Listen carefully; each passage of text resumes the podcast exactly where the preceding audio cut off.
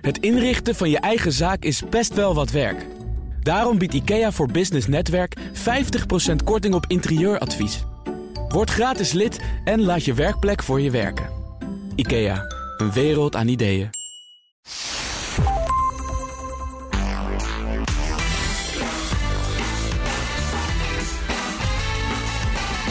Je luistert naar de Ben Tichelaar podcast. De podcast van BNR Nieuwsradio over persoonlijke en professionele groei.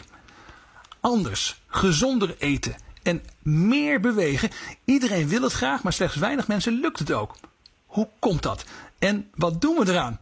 Vandaag spreek ik met Daan Remark over dit onderwerp. Hij is communicatiestratege met een psychologieachtergrond en hij heeft zich gespecialiseerd in gedragsverandering. En hij is schrijver van het boek Het Yo-Yo-effect. Anders eten, drinken en bewegen. Zo verander je gewoontes en hou je het wel vol. Daan Remark, welkom. Fijn dat je er bent. Hoi Ben. We zijn alweer over de helft van januari en waarschijnlijk is het bij heel veel mensen inmiddels ja, alweer misgegaan met de goede voornemens. Had jij zelf ook goede voornemens? Ja, ik had me voorgenomen om wat eh, vroeger naar bed te gaan. Maar dat is best wel lastig, want het is een gezamenlijke ongunstige gewoonte met mijn vrouw. Om uh, wat uh, te laat op te blijven en dan sta ik niet, niet zo fris op als ik zou kunnen. Dus dat was mijn hoe- voornemen hoe, voor dit jaar. het, hoe, gaat het met die, hoe gaat het met dat voornemen op dit moment? Nou, wisselend, maar eh, gisteravond is het in ieder geval gelukt. Oké, nou, le- le- oh, leuk voornemen trouwens. Is het iets wat je al langer wilde? Is het iets wat langer speelde? Of is het iets waarvan je dacht, nou, ik moet eigenlijk als professional op dit gebied, moet ik toch eigenlijk wel een voornemen Ja, ben ik eigenlijk wel aan mijn stand verplicht. Eh, nee, maar eh, serieus, het speelt inderdaad al wat langer. En het is lastig onder, wat ik zeg, lastig onder controle te krijgen. Omdat je niet altijd, en dat geldt denk ik überhaupt voor, voor eten, drinken, bewegen. Dat, dat je niet alle factoren 100% in de hand hebt. Je hebt ook andere mensen die eten mee. En eh, nou ja, die moeten dan ook mee willen met jouw veranderingen. En hetzelfde dat- geldt voor eh, naar bed gaan. Maar eh, gisteravond ben ik gewoon alleen naar bed gegaan. Dus dat was eigenlijk prima. Ja, oké. Nou ja, goed, je noemt meteen al een soort probleem. Daar komen we later nog wel eventjes over te spreken. Hè, wat ons allemaal nou ja, in de wielen rijdt, zou je kunnen zeggen, op het moment dat we dingen willen veranderen. Maar laten we eens even vooraan beginnen. Ehm, als mensen meer willen bewegen of minder willen eh, eten of willen stoppen met eh, te veel drinken. Wat is dan een van de grootste misvattingen op dat gebied? Wat zijn dingen waar mensen in geloven, maar wat eigenlijk helemaal niet klopt? Nou, wat we eigenlijk allemaal geleerd hebben, is dat we dat met eh, één grote drastische omzwaai moeten doen. Dus in één keer anders eten, dus bijvoorbeeld op een dieet. In één keer stoppen met drinken, dus dry January. En in één keer fanatiek gaan bewegen. En je ziet dat dat heel vaak, eigenlijk altijd fout loopt. Ja, dus die mensen- grote beweging, die, die grote, grote zeg je, dat werkt dus eigenlijk helemaal niet. Nee, want we rekenen daarbij op onze wilskracht. En die wilskracht, dat is natuurlijk iets prachtigs. Hè? Als wij heel veel wil hebben, dan kunnen we iets. En dat geldt zeker voor alle eenmalige beslissingen. Dus als je zegt, eh, ik wil eh, een studie gaan volgen... ik wil gaan stemmen op die kandidaat... eh, ik wil een vaccin halen, dan ga je dat meestal ook doen. Maar juist die herhaalde gedragspatronen... en eten, drinken, bewegen zijn eigenlijk allemaal gewoontes. Gewoontepatronen, die zijn best wel irritant eh, ongevoelig voor wat wij willen.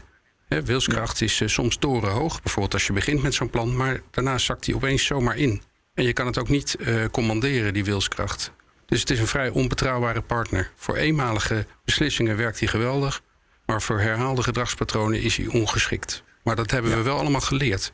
Van de film, van de dieetboeken, van de goeroes, van de huisarts. Die zegt gewoon, ja, je moet gewoon meer bewegen en minder eten. En als je het niet doet, nou, dan heb je te weinig wilskracht. Ja, je hoort het ook nog wel eens als je aan mensen vraagt hè, van, van hoe heb je dat nou aangepakt, dan zeggen ze nou ik heb het gewoon gedaan. Of eh, mensen herhalen dan die Nike slogan, hè, just do it wordt dan bij dingen geroepen. Dat klinkt ook heel stoer, maar eigenlijk zeg je dat is, dat is dus die grote misvatting. Dat gaat dus niet werken. Nou ja, het werkt een hele enkele keer. Maar eh, dat is net zoals eh, dat iemand de, de 100 meter in minder dan 10 seconden loopt of de oceaan overroeit. Het kan, inderdaad. Er zijn mensen die dat kunnen, maar dat is geen reden om tegen iedereen te zeggen: jij kan het ook. Nee, nee. Zeg, is dan de eerste stap, als je dus iets echt serieus wilt veranderen in je eten en drinken en beweegpatronen, is dan de eerste stap dat je het al te grote vertrouwen in wilskracht, dat je dat maar eerst gewoon eens opzegt? Ja, dat is, eh, dat is zeker zo. Dus eh, wilskracht, dat is niet wat je gaat helpen. Je moet natuurlijk wel gemotiveerd zijn. Maar het is ontzettend belangrijk dat je die motivatie op een andere manier inzet. Dat je zegt, ik wil eh, bijvoorbeeld ik wil leren om minder te snoepen tussen de maaltijden. Of ik wil leren om wat meer eh, te bewegen. Of om te rennen zonder hijgen. Of om trap te lopen zonder hijgen. En dat moet je dan vervolgens geleidelijk gaan aanpakken. En niet eh, zo drastisch, want dat drastisch dat loopt altijd na een korte tijd loopt dat, eh, loopt dat spaak. Ja. Je zei net dat uh, uh, eigenlijk de boosdoeners, zou je kunnen zeggen, zijn al die gewoontes die we hebben. En ook het veranderen van onze gewoontes, dat is dus ingewikkeld. Uh, kun je eens iets vertellen over de rol van gewoontegedrag? Want dat is iets wat we misschien niet helemaal doorgronden. Ja, het probleem eigenlijk, kijk, gewoontegedrag, dat treedt overal op waar gedrag wat je vaak herhaalt en wat beloond wordt, wordt al heel snel een gewoonte. Dus als jij uh, iedereen vriendelijk groet en ze groeten terug, dan is dat teruggroeten is een beloning. En zo wordt vriendelijk groeten wordt een gewoonte. En gewoontes, ja, daar zijn we een beetje blind voor, want de meeste gewoontes gaan automatisch en onbewust. Dus mensen zitten automatisch en onbewust te, te frunniken met hun uh, vingers of uh, ze eten zonder dat ze erbij nadenken. En als ze dan vervolgens vraagt wat heb je gegeten, dan zijn ze het kwijt, omdat het helemaal vanzelf gaat. Dus gewoontes zijn is eigenlijk gedrag wat helemaal automatisch gaat, voor een groot deel onbewust. En daarom kennen we het ook zo slecht. En het is ook irritant, uh, resistent tegen uh, beïnvloeding van, van onszelf. Als je bijvoorbeeld naar Londen gaat, je komt vanuit een land zoals Nederland waar we rechts rijden. In Londen sta je bij de oversteekplaats. Er staat heel groot op de stoep look right. Omdat wij als Nederlander automatisch de verkeerde kant op kijken. Wij kijken naar links of er een auto aankomt. En dan steken we over. Als je dat in Londen doet, dan kom je onder een dubbeldekker. En dan zie je ook hoe moeilijk dat te beïnvloeden is. Want ook al staat het er bij iedere zebra in Londen, wat ik een prestatie vind van de stad. Maar uh, de traumahelikopter moet 3,5 keer zo vaak de lucht in voor buitenlandse voetgangers als voor Engelsen. Nog steeds. Nog okay, steeds. Bizar ja. zegt. Nou, dat laatste cijfer kende ik niet. Dat Luke Wright had ik wel eens een keer, was me opgevallen. Ik had er ook wel eens over gelezen dat het een hele effectieve nudge op, op zichzelf is. Maar je zegt het dan nog, eigenlijk is het niet voldoende. Zo resistent zijn die gewoontes tegen uh, eigenlijk allerlei vormen van beïnvloeding. Ja, en dat is soms ook prettig, want goede gewoontes zijn ook resistent tegen afleiding, vermoeidheid, uh, overstuur zijn, weet ik wat. Dan doen we nog steeds. Uh, kijken we naar links voordat we oversteken. Nog steeds uh, wassen we onszelf, poetsen we onze tanden.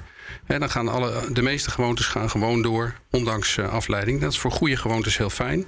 En voor slechte gewoontes irritant. Ja, nou willen heel veel mensen graag natuurlijk goede gewoontes ontwikkelen. Uh, ik heb ook wel eens begrepen dat we dat soms ook een beetje overdrijven. Dat niet alles zeg maar zo makkelijk in een gewoonte te veranderen is. Maar op het gebied van eten en drinken uh, begrijp ik van jou, daar zit wel heel veel gewoontegedrag in. En daar heeft gewoontevorming, ook positieve gewoontevorming, heeft eigenlijk best een kans als ik het goed begrijp. Zeker, ja. Mits je uh, goed in beeld hebt hoe je eet en drinkt. Dat is de eerste, eigenlijk de eerste stap. Uh, en dat, daar zijn gewoontes best wel uh, verraderlijk, omdat we dat vaak niet zo goed in beeld hebben. Als we bijvoorbeeld moeten nou, vertellen wat we gisteren hebben gegeten. Over, hebben, over die stappenplannen. Ja. Die, die bewaren we even. Want dat bewaren is, stappenplannen vind ik heel fijn om met elkaar over te praten. Dat, dat gaan we zo direct even doen. Ik had nog een paar vragen voordat we naar de stappenplannen gaan. Ik hoor heel veel mensen ook praten over overtuigingen.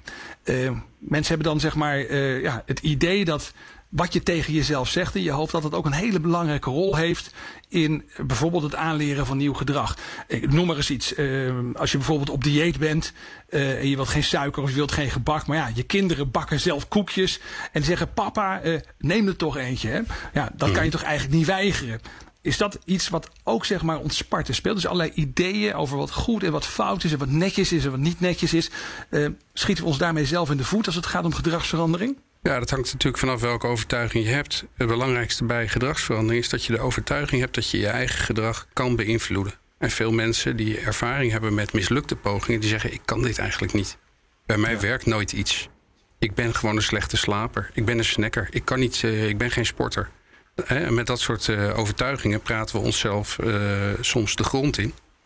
Terwijl het belangrijk is om, om te geloven dat je wel degelijk je eigen gedrag kan veranderen. En dat doen we ook steeds. Hè? Als we bijvoorbeeld volwassen worden en we krijgen een kind, dan uh, veranderen we ons gedrag drastisch. Als we verhuizen, uh, veranderen we ons gedrag vaak ook enorm. Mensen kunnen heel erg goed veranderen. En wat ze vaak tegenhoudt, is het idee dat ze dat niet kunnen. Ja. Nou ja, wat je net aangeeft, dat zijn wel een beetje veranderingen waarbij je ook eigenlijk niet kunt ontsnappen natuurlijk aan de verandering. Je bent nou eenmaal verhuisd, je zit in een andere omgeving. Er is nu eenmaal een kind en dat verandert sowieso je hele leven. Maar stel je voor dat je in een stabiele omgeving blijft. Is het dan net zo makkelijk? Nou, wat je ziet is dat mensen die goed zijn in het ontwikkelen van nieuwe gewoontes, zijn eigenlijk mensen die, uh, die gaan bijvoorbeeld die beginnen een nieuwe sport, maar maken er meteen een soort systeempje van. En dan zie je dat het vaak uh, redelijk uh, eenvoudig uh, tot een gewoonte wordt. die vertrouwen dus eigenlijk niet op wilskracht, maar die zeggen gewoon: ik ga voortaan naar de sportschool, ik neem een jaarabonnement, ik kies een sportschool dichtbij en ik kies een vaste tijd, vaste dag dat ik ga sporten. Bijvoorbeeld, ik ga dinsdagochtend om 8 uur ben ik in de sportschool. En je ziet dat die mensen er veel beter in slagen om gewoon een blije sporter te worden dan mensen die zeggen: ik moet toch eens wat vaker gaan sporten. Ik heb ergens nog schoenen staan waarop ik kan sporten. Eh, iedere keer als het eh, uitkomt, dan ga ik sporten. En je ziet dat die mensen die vertrouwen 100% op wilskracht, dat die eh, heel veel moeite hebben om het, om het vol te houden. Want er is een dag dat ze zich minder lekker voelen. Er is niet een duidelijke tijdstip wanneer het moet gebeuren. Het kan ook morgen of over een uurtje of over drie uur. En dan zie je dat we dan geen gewoontes ontwikkelen. Dus de kunst is eigenlijk om je proberen je gedrag zoveel mogelijk te automatiseren. In plaats van te vertrouwen op wilskracht. Want dat moet je dan iedere keer opnieuw opbrengen. En dat zie je bijvoorbeeld als mensen een pasta-machine kopen of een home trainer. Dan zie je vaak dat dat apparaat in een opwelling van wilskracht gekocht is. Maar om daar dan regelmatig mee aan de slag te gaan, dat is dan eigenlijk niet uh, gelukt. En dan staat zo'n ding al snel weer op marktplaats. Ja, dat is een heel ander verhaal inderdaad. Ja. Uh, Daan, we gaan het hebben over hoe je dus een systeem voor verandering, een stappenplan voor verandering, hoe je dat kunt maken. Maar ik ben nog wel even benieuwd. Je schreef zelf een keer op LinkedIn dat mensen jou vaak vragen waarom iemand die het figuur, ik citeer even, het figuur van een soepstengel heeft, waarom die een boek schrijft over anders en gezonder eten. Ik ben zelf ook wel benieuwd, wat heb jij zelf met dit onderwerp? Waarom fascineert het jou zo? Ja, het is eigenlijk ik ben natuurlijk als communicatiestratege eigenlijk altijd wel bezig met waarom doen mensen dingen en waarom doen ze bepaalde dingen niet. En wat ik om me heen zag is dat mijn eigen familieleden, gewoon heel dichtbij, mijn beste vrienden, ik zie ze jaar in jaar uit worstelen met eten. Ik zie ze maaltijden overslaan. Ik zie ze in de weer met worteltjes, rijstwafels. Ik zie ze vasten of eh, bepaalde tijden van de dag niet eten. Ik zie ze een abonnement nemen op New Physics. En het zijn allemaal zogenaamd veelbelovende methodes en niks werkt. En ze maken zichzelf verwijten en ze worden steeds zwaarder of ze ontwikkelen eetstoornissen. Ik kon het eigenlijk niet aanzien. Ik dacht, nou ja, uh, hoe zit dat nou eigenlijk in elkaar?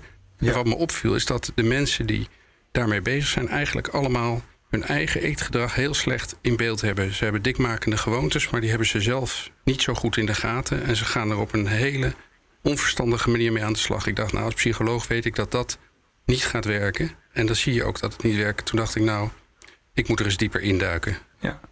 Je noemde net al een paar keer, hè, misschien is het wel goed om daar eens naartoe te gaan. Uh, een systeem, uh, een stappenplan. En uh, ik begrijp van jou, je moet eigenlijk eerst eens heel goed in beeld krijgen. misschien zelfs wel visueel maken. Wat je nou op dit moment eigenlijk doet. Dat je je eigen gedrag een beetje gaat begrijpen. Of je gedrag gaat zien, zou je kunnen zeggen. Kun je daar eens iets over uitleggen? Is dat de eerste stap? Ja, dat klopt. Ik, ik raad mensen die problemen hebben met, met eten altijd aan om een, een, fotoproject te doen en gewoon eens twee dagen lang alles te fotograferen wat hun mond ingaat. Eigenlijk zou je een camera op de huig willen monteren, maar zover, zijn, zover ja, zijn we technisch nog niet. maar um, nou, ik weet wel dat. Ik heb heel veel ervaring met uh, dagboekjesonderzoek. Dat je mensen vraagt om iets bij te houden. En je ziet dat de dagboekjesmethode leidt tot een. Dus puur op geheugen. Wat heb je gisteren gegeten? Leidt tot een enorme onderschatting van wat je hebt gegeten. En wat we ook weten uit, uit psychologisch onderzoek is dat hoe zwaarder mensen zijn, dus hoe hoger hun body mass index, hoe slechter ze zijn in het herinneren wat ze hebben gegeten. En de relatie is natuurlijk eigenlijk andersom. Hè? Dus mensen die heel, heel slecht in beeld hebben wat ze, wat ze eten, vinden het ook heel moeilijk om dat uh, te begrijpen. Waarom ze uh, overgewicht ontwikkelen en ook heel moeilijk om aan te pakken. Terwijl als je met die camera kijkt, ja, dan zie je dat je twee keer opschept. Of dan zie je dat je een heel groot eh, toetje neemt. Of dan zie je dat je vijf vergaderkoekjes uh, neemt om half elf. Die eigenlijk voor, de, voor de klanten bedoeld waren. En dan op een gegeven moment krijg je wel in beeld waar de verbetering te boeken is. Maar het goed, goed beeld is eigenlijk al de eerste grote stap. En je ziet heel vaak mensen zeggen: Oh, maar dat wist ik helemaal niet. Maar dat, is, dat kan ik eigenlijk best wel veranderen. En dat heeft er waarschijnlijk mee te maken dat dus heel veel gedrag, eetgedrag, gewoontegedrag is, wat automatisch plaatsvindt. Dus daar heb je dus ook geen bewuste herinnering waarschijnlijk aan. Precies. Dus het is niet uh, een mooi plaatje van jezelf maken van ik eet eigenlijk heel weinig. Maar het is uh, echt vergeten. Gewoon niet doorhebben hoe regelmatig je eet. En het vervelende ook van onbewust eten is dat we bij onbewust eten vaak gedachteloos eten zonder te proeven. En dat is ook een gegarandeerde manier om je te overeten aan iets. Ja. En dat doen we steeds meer eigenlijk, omdat we heel veel eten zonder aandacht. Onze aandacht is steeds vaker bij het verkeer, bij onze social media, bij de timeline. Uh, dus we zitten heel vaak op schermen te turen terwijl we eten. En dat, dat leidt gegarandeerd tot uh, te veel eten. Ja, nog even één ding over dat in beeld krijgen van je eigen eetgedrag. Hè? Dus je zegt foto's maken, dat is eigenlijk het mooiste. Maar stel je voor dat je zegt, nou, dat vind ik een beetje lastig. Want dan ga ik dus in de kantine zitten fotograferen. Of bij een vergadering, als ik een koekje eet, ga ik dat, ga ik dat koekje fotograferen. Een lijstje bijhouden, real time. Zou dat ook mogen? Dus niet een dagboek achteraf, maar gewoon real time opschrijven. Bijvoorbeeld in je telefoon wat je eet. Is dat ook een mogelijkheid of werkt dat slechter wat jou betreft? Nee, nee, uh, ik snap dat het social is dat een beetje awkward om uh, wat je eet te, te fotograferen. Dus dan kan je heel goed ook een notitie maken, maar inderdaad gelijk noteren. Ja, en dus een tweede boekje ook weer opschrijven. Je het eet, dan moet je het opschrijven. Ja, ja, klopt. Dan weten we dus wat we eten en drinken. Dan hebben we dat in beeld. En dan, wat is dan de volgende stap? Nou, de volgende stap is eigenlijk om uh, te gaan kijken wat wil ik echt bereiken. Want je ziet soms mensen die uh, zeggen, nou ik ga, ik ga helemaal geen alcohol meer drinken. Maar eigenlijk is dat niet wat ze willen bereiken. Wat ze bijvoorbeeld willen bereiken is om op een handige manier om te gaan met alcohol. En dat uh, beheerst uh, te doen in plaats van geheel onthouden worden. Dat is ja. ook waarom ze, hè, omdat ze zulke enorm sterke ambities stellen waar ze eigenlijk niet helemaal achter staan, zie je vaak ook dat ze weer in de problemen komen. Dus het is heel belangrijk om heel precies te weten wat is nou je ambitie. En dan uh, is het vaak niet zo'n extreem. Dan is het niet ik wil 20 kilo afvallen, maar dan is het ik wil lekkerder in mijn kleren passen of ik wil me ja. fitter voelen. Ik wil goed kunnen spelen met mijn kleinkinderen zonder dat ik meteen moet hijgen. Uh, dat soort ambities. En die zijn reëel. Dat wil je echt. En het is heel belangrijk dat je begint met wat je echt wil. En niet wat de dokter zegt dat verstandig voor je is. Of wat je denkt, dat zou ik moeten doen. Want dat geeft ook een beetje de brandstof, hè? De, de, de motivatie zou je kunnen zeggen om dan de volgende stappen te zetten. Maar als je dus een doel stelt wat eigenlijk niet echt jouw doel is, waar je misschien niet helemaal zelf in gelooft, dan zeg je nou, dan begin je dus eigenlijk al verkeerd. Als je, als je zo'n doel uh, helder hebt, wat, wat moet je daarna doen? Nou, dan kun je gaan kijken welke gedragingen van mezelf, welk gedrag kan dat doel dichterbij brengen. Dus bijvoorbeeld mijn doelstelling om uh, te lopen, hard te lopen zonder hijgen, dat kan ik dichterbij brengen door vaker te bewegen. En dat kan ik bijvoorbeeld doen door, uh, als ik naar mijn werk op en neer reis, de eerste halte te lopen en de, of de laatste halte te lopen in plaats van in het ja. openbaar vervoer te blijven zitten. En dan bouw ik dagelijks heel makkelijk een half uur beweging in. Nou, dat kan een eerste stap zijn.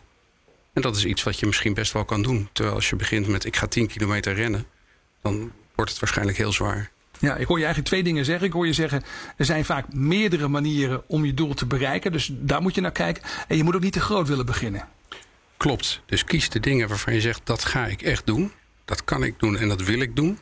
En uh, kijk welke, uh, vooral welke dagelijks eenvoudige manieren zijn om je doel te bereiken. En bouw die rustig op.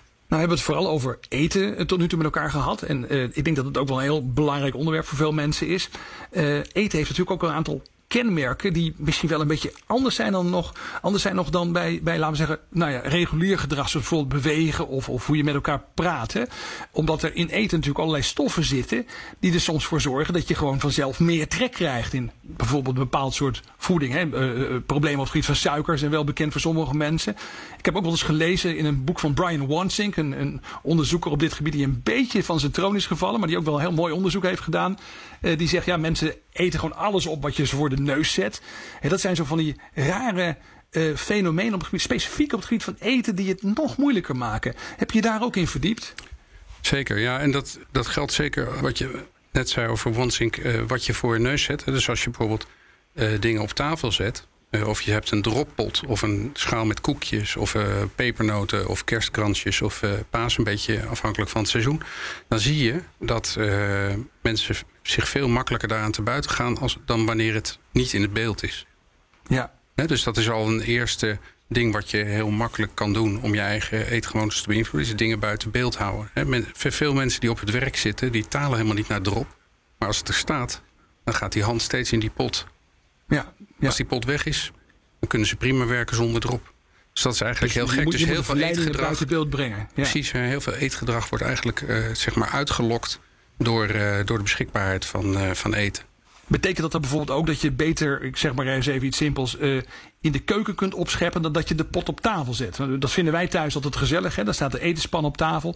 En ik betrap me er heel vaak op dat ik dan nog een tweede keer opschep. Dat doe ik eigenlijk al jaren. En iedere keer zeg ik weer tegen mezelf, moet ik niet doen. Hè? Maar ik begrijp dus nu van jou dat ik veel beter die uh, pan met eten in de keuken kan laten en daar de borden kan klaarmaken. Ja, dat is een, uh, dat is een heel waar ding. En dat, ik, ik, ik had het zelf precies zoals jij. Uh, maar met name met bestel eten. Dus als ik eten bestel, een thai of een pizza of ik wat. dan ben ik ook eigenlijk gewend om het op tafel te zetten en uh, te eten uit de verpakking waarin het geleverd wordt. En eigenlijk moet ik dat zien als een pan. Maar dat deed ik niet. Ik ja. zet het op tafel en ik at het op en ik voelde me altijd overvol. En ik dacht, waarom overeet ik me nou steeds aan dat Thaise eten? Toen realiseerde ik me, ik zet eigenlijk de pan op tafel. Ik moet het gewoon in de keuken zetten, overdoen. Ja, je eet al net zo lang door tot je de pan, tot je de pan leeg hebt gewonnen. Ja, ja, ja, en sommige mensen uh, eten wat de kinderen op het bord laten liggen, vinden ze zonde. De kinderen die slaan dan iets over. En denk je, nou, dat heb ik net voor je gekookt. Dat is eigenlijk best lekker wat daar ligt. er liggen nog twee worstjes. Nou, ik eet ze op. En dat, ja, dat is natuurlijk heel jammer voor, uh, om, die, om dat weg te gooien. Maar het is ook heel jammer om je eigen lichaam als, uh, als afvalbak te gebruiken. Maar dat, is, dat gaat heel ongemerkt. Dus als die mensen de volgende dag moeten opschrijven... wat heb je gegeten, schrijven ze niet op... ik heb anderhalf bord gegeten. Nee, nee, precies. Dan gaat het kinderbord het is alweer vergeten. Ja. Dus Nieuwe gewoontes ontwikkelen, goede gewoontes ontwikkelen... Dat is eigenlijk het geheim. Nou, zei je net over gewoontevorming. Je moet het herhalen, maar het moet ook beloond worden. Hè? En dat is natuurlijk vrij algemeen ook bekend in die gedragsliteratuur. Als iets niet wordt beloond, als het niet fijn voelt om te doen, wordt het heel moeilijk een gewoonte. Het is best wel moeilijk wat je nu eigenlijk beschrijft. Als je dus in je eetgedrag iets wil veranderen, dat zou voor de meeste mensen in het begin niet als belonend uh, voelen. Hoe, hoe, kon je dat, hoe kan je jezelf dan toch een duwtje in de goede richting geven? Nou ja, als het goed is, zijn er ook beloningen aanwezig. Alleen je moet er wel op letten. Als ik bijvoorbeeld, uh, als jij niet die tweede keer opschept, of ik schep niet uh, die tweede keer thuis op, dan voel ik me na afloop lekkerder. dus ik, ja. als ik goed ga letten op het gevoel wat ik heb na de, na de maaltijd, uh, dan merk je wel degelijk dat er een beloning is. Namelijk, je voelt je gewoon veel fijner na het eten als je ietsje minder eet. Je zou kunnen zeggen, je hebt een soort overwinning geboekt en dat voelt misschien ook wel goed. Maar dan moet je dus wat je zegt, daar moet je dan wel je aandacht even op richten. Dat gaat niet vanzelf, denk ik. Nee, dat is heel belangrijk om hier heel goed die uh, beloningen in te prenten. Dus uh, ik zeg maar, als je gaat sporten, gaat, wat, wat meer gaat bewegen, is het ook belangrijk om te letten op hoe voel ik me? Is dit, is dit prettig? Uh, ga ik dit voortaan doen? En wat je, wat je vaak ziet is dat mensen soms, on, uh, meestal ontdekken ze van dit is eigenlijk best prettig. Dus daar is al een beloning. Uh, het gaat steeds beter, dat is ook een beloning. En op die manier ontstaan gewoontes. En soms merk je ook dat iets niet werkt. Dan ga je, ik zeg maar wat, je gaat selderijstengels eten in plaats van nog een keer opscheppen. En dan zeg je, nou, ik vind, eigenlijk, ik vind het gewoon niet lekker. Nou, doe het dan vooral niet. Want je, wat ja. niet als prettig wordt ervaren, wordt nooit een gewoonte. Dus zoek dingen uit die je kan doen en vooral die je wil doen. Heel veel tips, heel veel nuttige tips. Um, als ik nou zeg maar hier naar zo, zo, naar heb geluisterd en ik denk van nou oké, okay, ik kan niet alles tegelijk. Was nou één ding, hè, als laatste tip, één ding waarvan je zegt, begin daar dan eens mee. Doe dit dan eens. Hè. Het mag gerust iets zijn wat je al eerder hebt gezegd, maar wat zou de eerste stap zijn na het luisteren van deze podcast? Nou, mijn eerste stap zou zijn om te zeggen, eet rustig en met volle aandacht. Als je rustig eet en met volle aandacht, dan werkt eigenlijk je natuurlijke honger- en verzadigingssysteem werkt perfect. Dan krijg je uh, vanzelf uh, verzadiging, zowel de smaakverzadiging, dat je zegt, nou ik heb, ik heb het genoeg geproefd, het was lekker, als de verzadiging van je buik. En dan eet je nooit te veel. Dus rustig en met volle aandacht eten, dat is, een, uh, dat is mijn belangrijkste, mijn eerste tip, zeg maar. En laat die pan ik ga in de gewoon, Ik ga het gewoon vandaag meteen proberen. Ik wil je ontzettend bedanken. Daire Mark, schrijver van het boek Het Jojo-effect. Heel fijn dat je mijn gast wilde zijn. Dankjewel, Ben. Dit was de Ben Tichelaar podcast. Wil je op de hoogte blijven van de beste tips onder meer uit mijn podcast? Ga dan naar tichelaar.nl slash bnr en meld je aan voor mijn nieuwsbrief. Dankjewel voor het luisteren.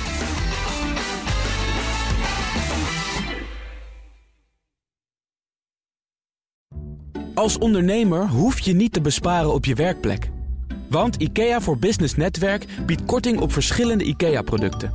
Word gratis lid en laat je werkplek voor je werken. IKEA, een wereld aan ideeën.